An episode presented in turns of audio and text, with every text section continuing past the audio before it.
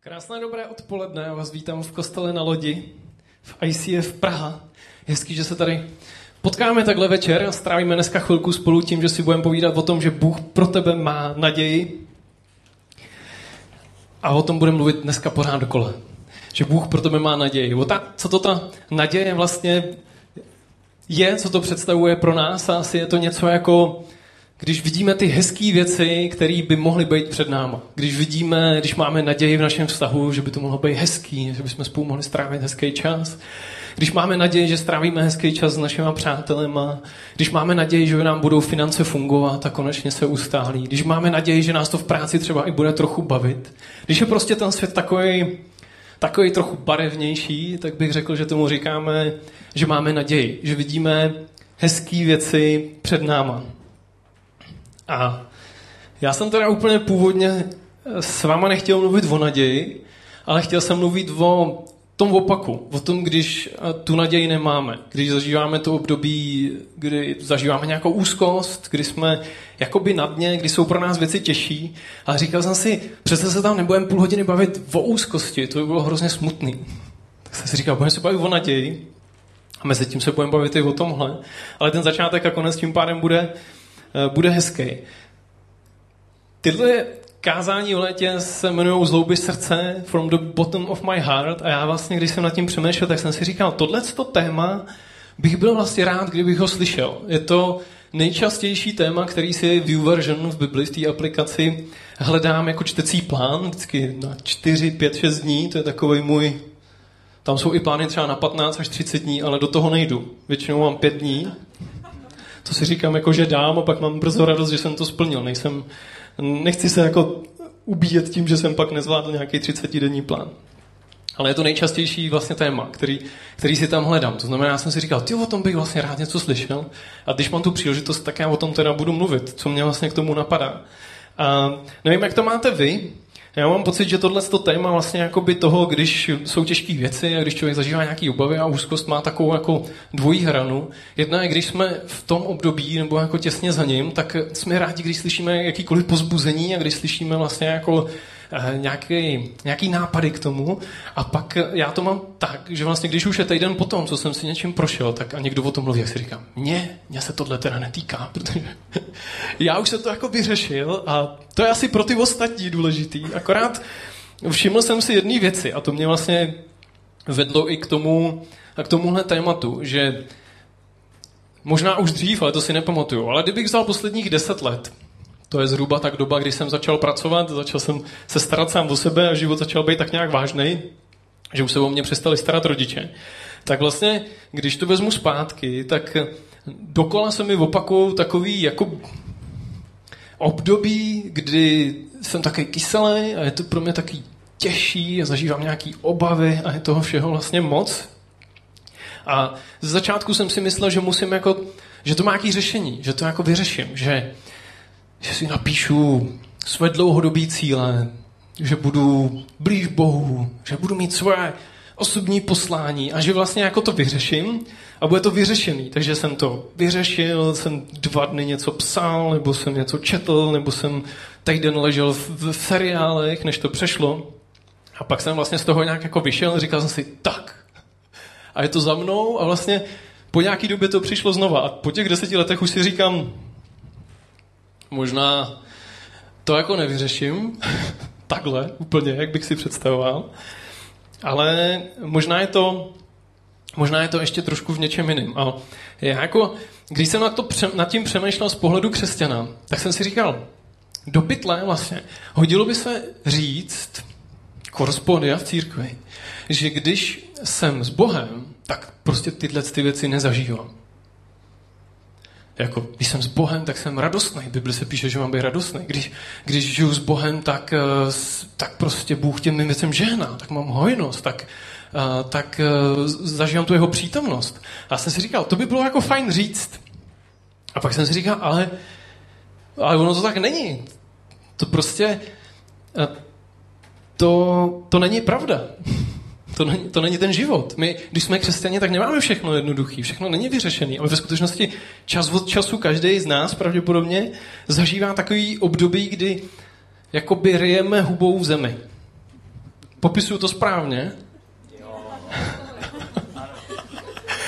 ale, ne, ale jako nebaví nás to. My bychom byli radši, kdyby to tak nebylo. A myslím si, že se dostáváme, že se dostáváme vlastně na takový, do takové situace, že bychom vlastně chtěli, když jsme příště v takový, v takový momentu, že bychom chtěli vlastně říct, tak a s Bohem to teď vlastně dám a vyřeším to a bude to v pohodě. A myslím si, že vlastně narážíme na dvě věci.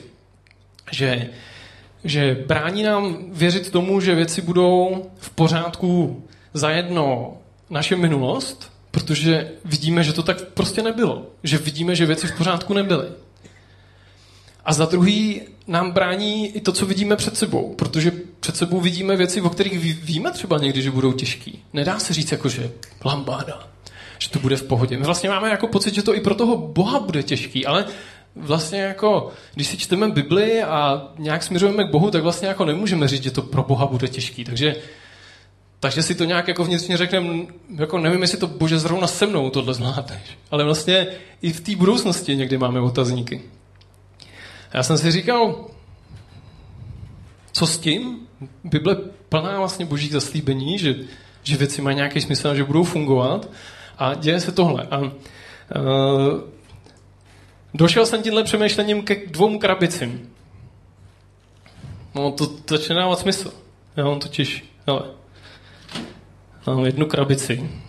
Ta se jmenuje Naše dobrá naděje. A pak mám druhou krabici, která se jmenuje Boží naděje. A myslím si, že tohle může do našeho života přinášet zmatek. Ne konkrétně tyhle dvě krabice. Ty teď možná přivedli zmatek do vašeho života. Ale doufám, že jenom krátkodobě. Ale vlastně, když buď to nemáme vlastně rozdělený, anebo když to máme popřeházený. Že přemýšlíme vlastně, co je první. Protože v Bibli se třeba píše, že všechno napomáhá dobrému, těm, kteří milují Boha. Ale nepíše se tam, všechno se splní. To, co si přejou těm, kteří milují Boha.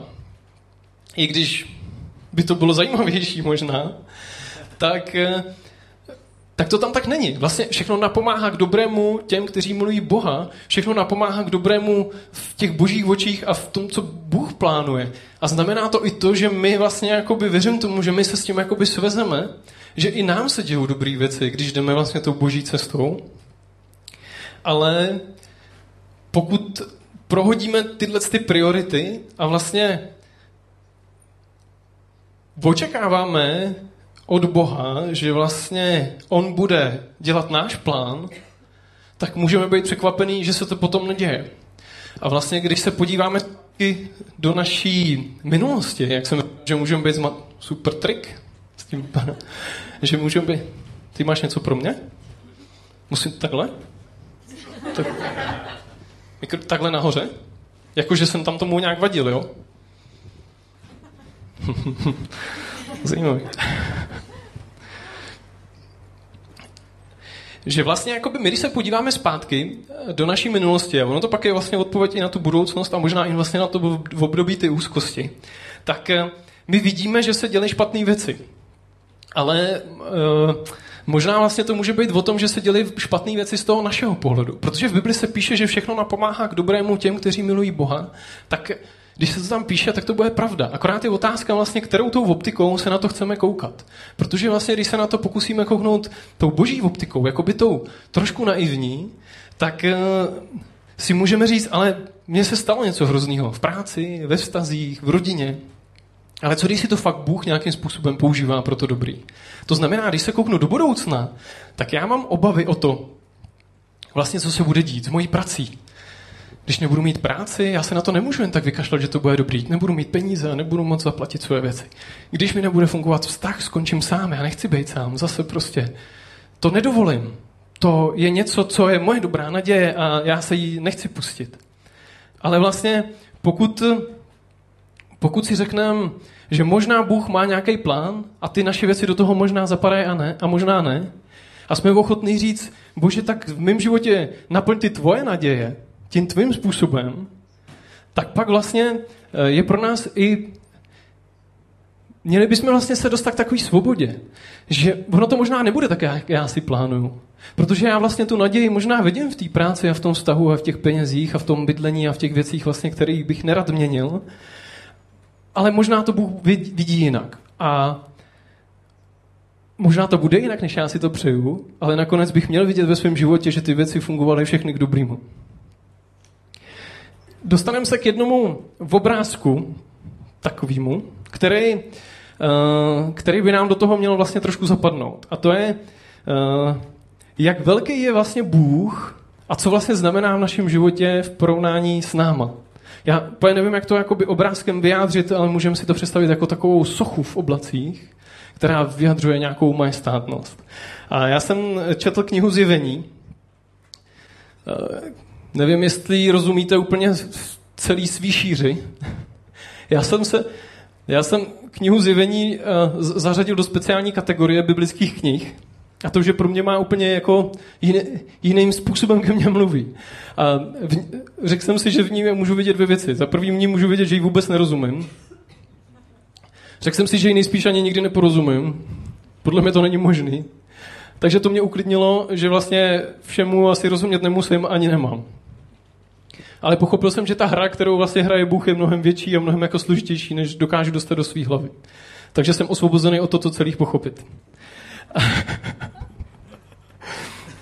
A druhá věc je vlastně eh, právě ta, eh, ta boží majestátnost, kterou, eh, když jsem si četl jednu pasáž, my se na to za chvilku podíváme, tak jsem si říkal, wow, jako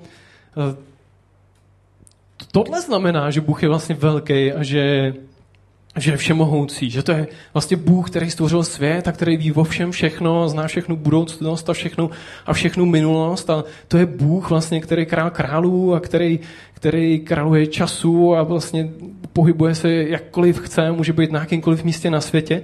A já vám teď přečtu těch několik veršů z toho zjevení a můžete si zkusit to sami, to sami představit.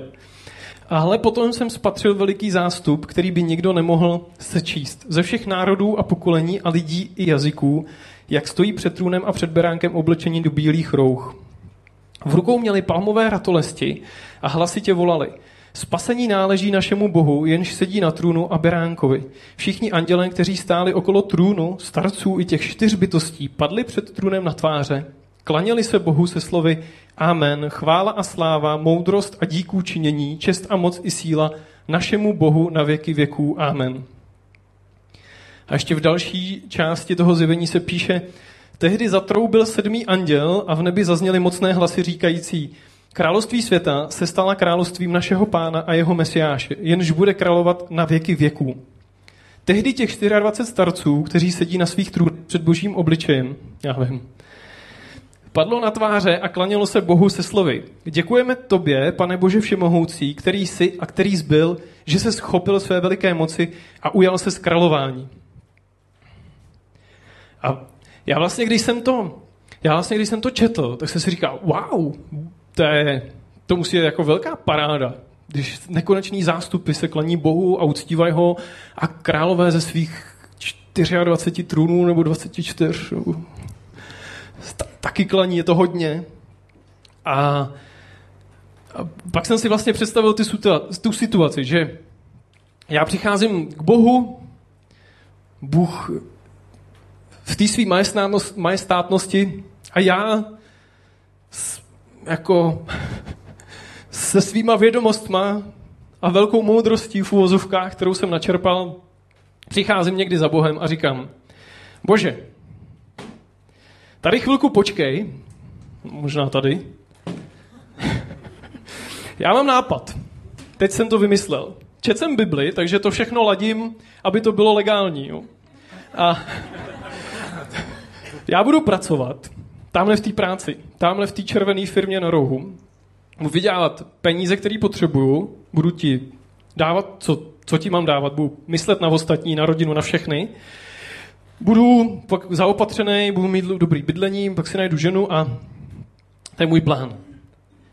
Tak a pak, až to udělám, tak pak se můžeme začít bavit o tom, co bys potřeboval ty.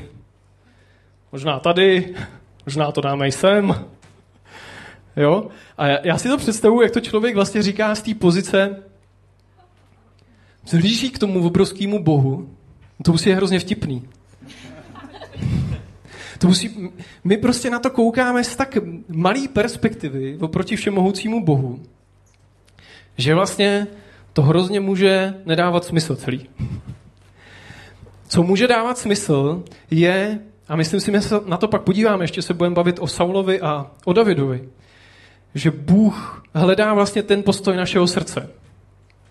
Postoj našeho srdce, jestli budeme ochotní říct, bože, já to motám ten život, jak jenom můžu, ale chtěl bych aspoň zkusit vědět, co ty pro můj život máš a já se to zkusím splnit. Vím, že to pro mě bude těžký, protože tuhle to bydlení mám fakt rád, stěhovat se nechci, tuhle holku jsem si chtěl vzít, tuhle, tuhle to jsem si chtěl naspořit, tamhle ten koníček jsem si řekl, že pro mě bude dobrý, ale já to teda zkusím, pokud byste to chtěl udělat nějak jinak, změnit. A nemyslím si, že Bůh pro nás má něco špatného. Naopak. Myslím si, že pro nás Bůh má spoustu dobrých věcí, že pro nás to má to nejlepší. Co je ale zároveň nejlepší i pro ten jeho plán, i pro to jeho království. A pokud by nás někdy svádělo si myslet, že tomu rozumíme i my, tak si můžeme přečíst knihu Zjevení a říct si, jestli tomu rozumíme. Ale podle mě spíš tomu rozumět nebudeme. Protože pokud Bohu vlastně dáme tyhle ty naše esa, ty trumfy do rukou a řekneme, že teda já se budu snažit, budeš na prvním místě. Já říkám záměrně snažit, protože my stejně víme, že to pokoníme hnedka druhý den, co se proto rozhodneme. Ale stejně věřím tomu, že Bůh se kouká na to, jestli se aspoň snažíme. Nevěřím tomu, že Bůh od nás očekává, že budeme dokonalí, to je naše velká naděje samou o sobě. Ale zase věřím na druhou stranu tomu, že mu opravdu jde o to, jestli se aspoň snažíme si ty krabice poskládat ve správném pořadí. Protože pak Bůh může vlastně nás učit to, co nás potřebuje naučit, může nás připravit na to, co nás potřebuje připravit a může vlastně nám potom dávat i tyhle ty věci, protože víme, že nám nerupne v bedně, až je nám dá, když se snažíme mít jeho na prvním místě. My se můžeme podívat na to, jak někomu ruplo v bedně, eh, na Saulovi a, a nechci být neuznalej ke starším, takže eh, nebudu to takhle soudit, ale eh, podíváme se vlastně na dva příběhy Saula a Davida, který se začínají úplně stejným způsobem. Oba dva, úplně z nuly, se najednou z ničeho nic vlastně stávají Čo, Martine, jsem tě teď rozeznal, rozeznal v tom světle. Super.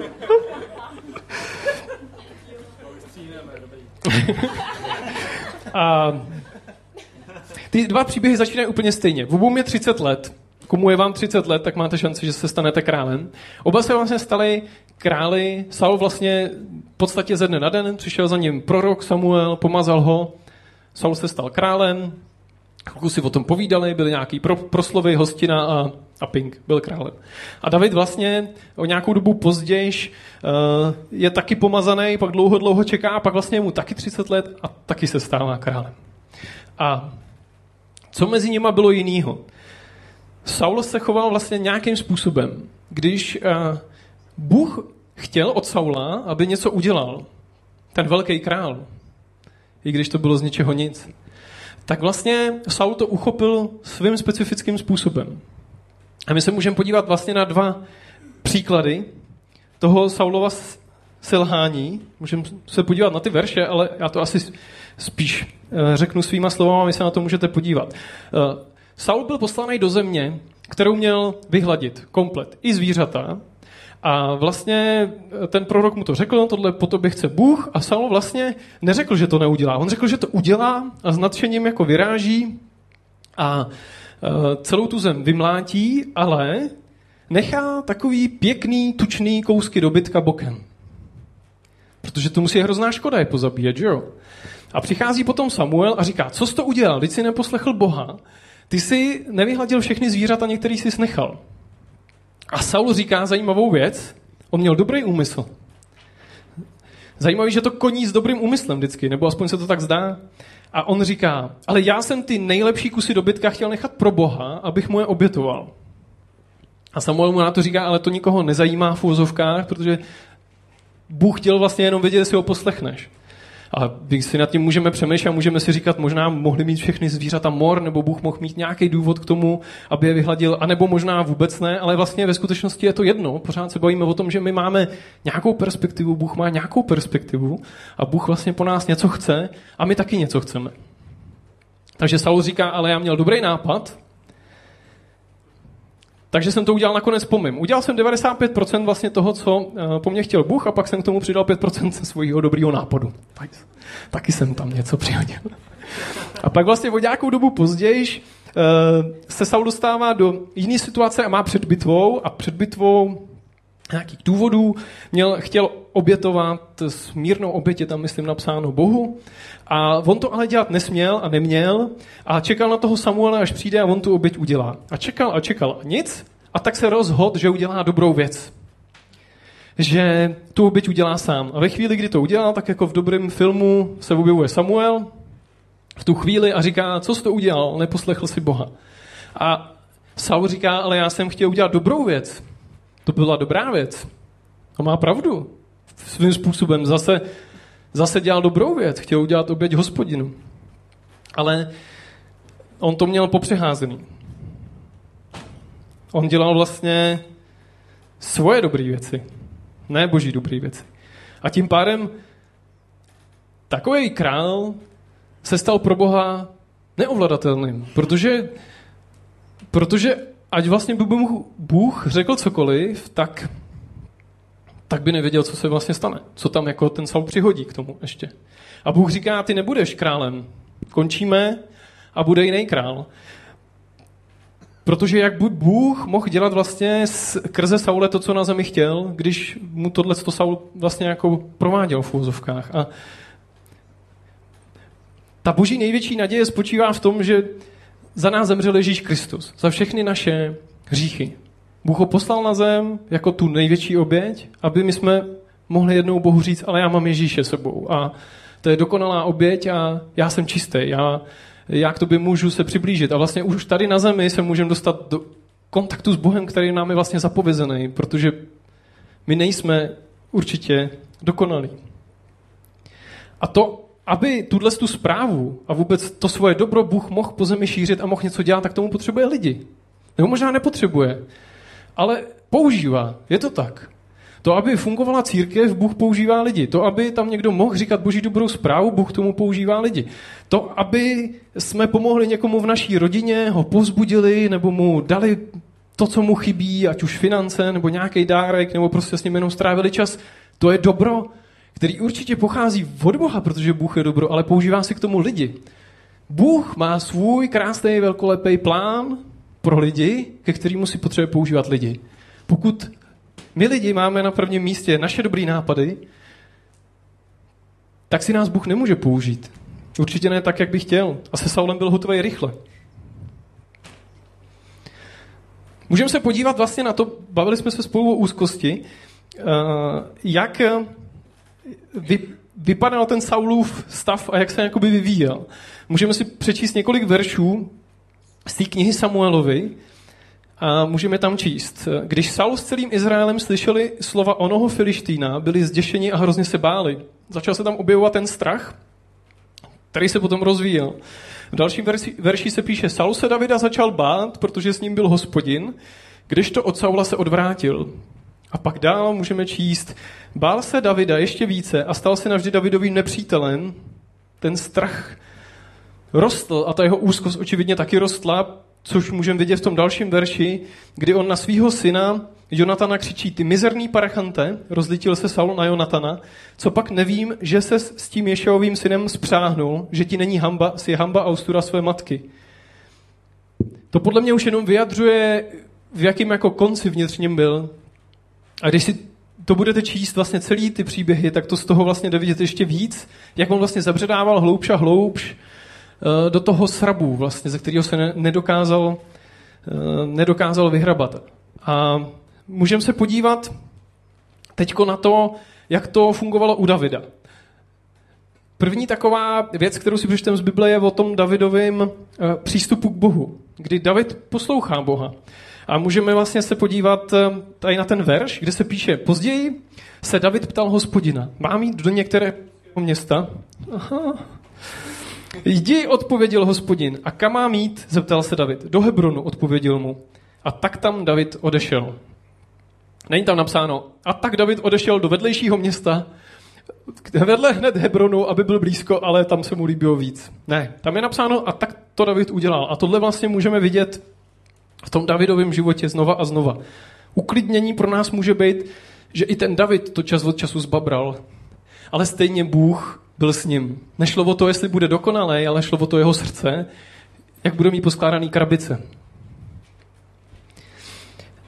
A pak vlastně můžeme se podívat na další věc. Když je David na dně, protože my jsme se bavili o tom, že Saul byl na dně, Saul je v tom našem vyprávění ten špatňák, takže se to očekávalo, ale i ten David, ten úžasný, ohromný David vlastně, který je vzor vlastně Boha v Bibli. Kdy, když se narodí Ježíš, tak se píše, že to je potomek Davida.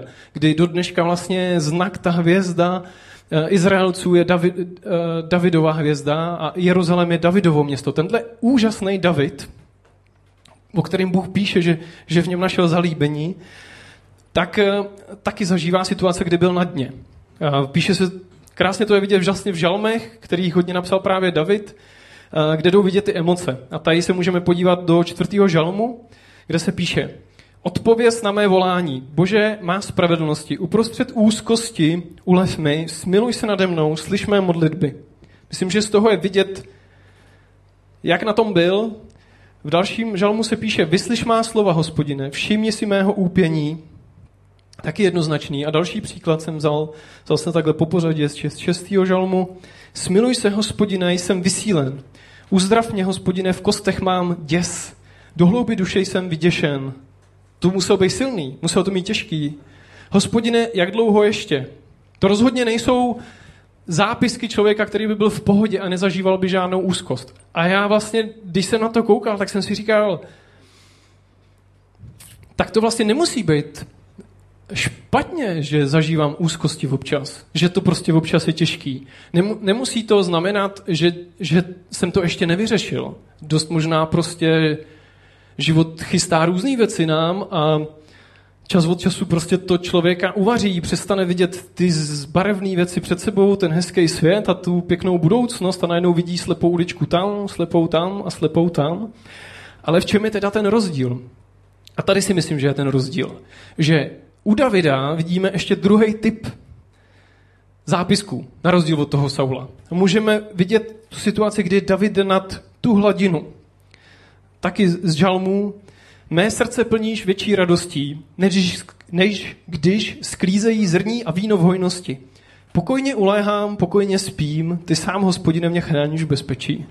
Tohle vlastně bychom tak někdy chtěli říct, když jsme na padrať. Pokojně uléhám, pokojně spím. V dalším žalmu se píše, na tvoji lásku spoléhám, nad tvou spásou mé srdce zajásá. Hospodinu svou píseň zaspívám, jak dobrotivě se ke mně zachoval. Musel mít dobrý období, musel se radovat, musel si říkat, to je paráda prostě, to je bomba, věci fungují, to, to je super, uchválit Boha. A ještě v jednom žalmu píše, stezku života jsi mi ukázal, ve tvé přítomnosti je plnost radosti. Nekonečné blaho, to je po mé pravici po tvé pravici. Ten rozdíl vlastně není v tom, že když jdu s Bohem, tak bych nezažíval ty dna. Ten rozdíl je vlastně v té cestě nahoru. My s Bohem nezažijeme život, kdyby jsme to neměli těžký a kdyby jsme nebyli na dně. My ale s Bohem můžeme zažít život, kdy se vracíme na tu hladinu zpátky. A možná i silnější, a možná i v lepší kondici, a možná i radostnější, vlastně tak, jak to tam psal David. Ve finále ten život se zdá, že vlastně podle toho Boha asi funguje. Nebo že by mohl fungovat. Že vlastně takhle, když bychom to udělali, tak nakonec by se možná dostalo i na nás v úvozovkách. Že i vlastně nějaká ten náš, nějaká ta naše naděje by vlastně mohla přijít taky na pořad dne, že Bůh pro nás taky má něco dobrýho, ale vlastně ono se zdá, jako by to dávalo smysl, že když jdu po těch božích cestách nebo se snažím mít, tak on může ten můj život vlastně utkávat tak, jako utkávat nemyslím jako boj, ale jako tkal, tkalcovství. Jo? Utkávat tak, aby vlastně i mě to fungovalo, aby i já měl to požehnání, abych já byl součástí toho božího plánu, abych já viděl ty hezké výsledky na tom. Takže tak.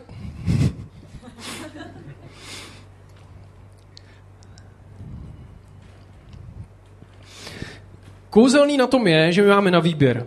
Bůh nám dává na výběr. Bůh stvořil člověka, aby měl někým vztah a aby mohl zažívat lásku.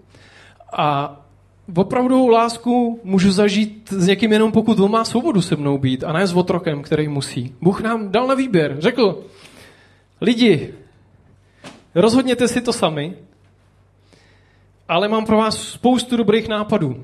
Já vám o tom napíšu celou Bibli, kterou někdy budete číst celý život možná. A tam vám to všechno napíšu a vy máte šanci, že to někde chytnete. V průběhu toho. Že někde chytnete to, že takhle to bude fungovat. A pak Bůh vlastně nám strká do cesty různý lidi, kteří nám to řeknou a, a různý náznaky a podobně. A vlastně paradoxně i ty těžké období někdy nám pomáhají k tomu, aby jsme ty naše věci zahodili a aby jsme teda uznali, že to zkusíme podle toho božího. Nakonec vlastně ty údolí a ty těžké věci můžou být ty momenty, které vlastně jsou i hodně přínosné pro náš život. Můžou to být ty momenty, kde my vlastně pod tíhou těch aktuálních událostí jsme ochotní vzít ještě tu jednu věc, kterou jsme si tam někde nechávali a doufali jsme, že nás Bůh nebude chtít, aby jsme ji dávali pryč, protože prostě to jsem měl tak rád, ale vidíme a cítíme, že nám to v našem životě nějakým způsobem třeba škodí nebo, nebo nevyhovuje, nebo že vlastně to není to, co by Bůh chtěl, a tak si to tak schováváme někde na pozadí, za krabicí. Říkáme si, bože, už jsem ti toho dal tolik. A tuhle poslední věc mi neber, já ji mám hrozně rád. Ale Bůh vlastně jako tam stojí nad těma oblakama a říká si, ty, kdybys věděl, co já pro to je všechno mám, kvůli takovýhle kravině tady prostě přešlapujem na místě už pět let. A tak to asi probíhá nějak ty rozhovory, no. no, no. Takže...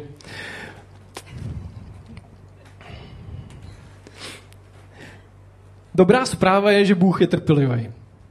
A ve skutečnosti já si myslím, že i ten Saul, že to nebyla jeho poslední šance, když to zvoral. Ale my vlastně nikde v té celé Bibli nevidíme, že on by ten svůj postoj změnil. My nikde nevidíme to, že on by řekl, já jsem si to uvědomil, Bože, a budeme to teď dělat jinak. Nikde nepíšeme, nikde se tam nepíše, že to, že se nestal králem, tak byl konec pro jeho život. Bůh neříká, já jsem zavrhl Saula. On říká, já jsem zavrhl Saula pro to králování, ale třeba pro něj měl jiný plán. Já věřím tomu, že Bůh není v tomhle tom černobílej a že by nás utnul a byl by konec. Já věřím tomu, že i on dostával ještě další šance, kdy mohl přijít a mohl dělat něco jiného pro Boha. Mohl nějakou jinou cestu. Ještě jich podle mě bylo připravených těch uliček spoustu. A věřím, že to také i pro nás. Že když my zazdíme jednu věc, tak Bůh připraví tu cestu ještě nějak jinak a upraví a dává nám další šanci na to, aby jsme si uvědomili, že takhle by to mohlo fungovat. Bůh nás opravdu miluje tak moc, že nám podstrkuje ty různé náznaky a ty různé ty různé cestičky, aby vlastně se nás snažil dostat zpátky blíž k sobě. Což je pro nás dobrá zpráva, protože to potřebujeme slyšet, protože my to budeme konit celý život. Ale mít na své straně nebo někde u nás Boha, který je ochotný vždycky říct ještě, pojď to zkusit ještě jednou, já tě mám rád takovýho, jaký seš. Já tě miluju a budu tě milovat, i když to skopeš po 175. Tak to můžeš zkusit ještě jednou. Tak to může být pro nás hrozně vlastně dobrá zpráva. To pro nás vlastně může znamenat, že Bůh pro nás má naději. Bůh pro tebe má naději. Bůh pro tebe má naději. A v Bibli se píše v jednom verši tohleto. Neboť tak Bůh miloval svět, že dal svého jediného syna, aby žádný, kdo v něho věří, nezahynul, ale měl život věčný. Bůh tak miloval svět. Bůh tak miloval ten špatný, zkažený svět. Bůh tak moc miloval nás. To znamená, že pro nás je vždycky ještě naděje. Budeme se modlit. Budeme se modlit. Jestli chceš, můžeš si vstoupnout, jestli máš něco ty na srdci, co bys chtěl Bohu říct, můžeš, můžeš to Bohu říct. Bůh bude mít radost, že s ním mluvíš. Věřím tomu, že má vždycky radost, když s ním mluvíme.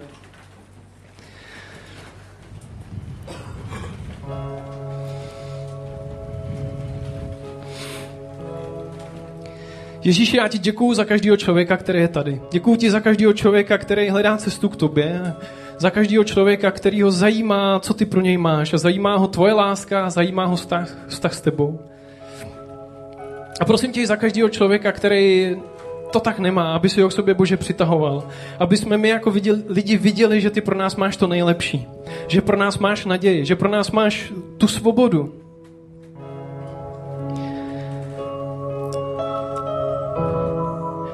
A prosím tě, aby jsme někdy dokázali vidět ten záblesk toho, toho tvýho nadhledu, aby jsme dokázali chápat, jak moc ty vidíš a jak moc dobrýho pro nás máš a jak moc dobrýho chceš udělat pro tenhle ten svět. A jak moc důležitý pro tebe jsme my, aby si nás mohl zapojit do toho svého plánu. Jak moc důležitý jsme pro ostatní lidi tady na zemi. Prosím tě, aby jsme si to nějakým zázrakem dokázali občas uvědomit. Aby jsme vždycky věděli, že ty nám znova odpustíš a aby jsme za tebou vždycky byli ochotní přijít zpátky, když to skoníme. A aby jsme vždycky mohli zažít tu tvoji naději a tu tvoji lásku znova a znova. Amen.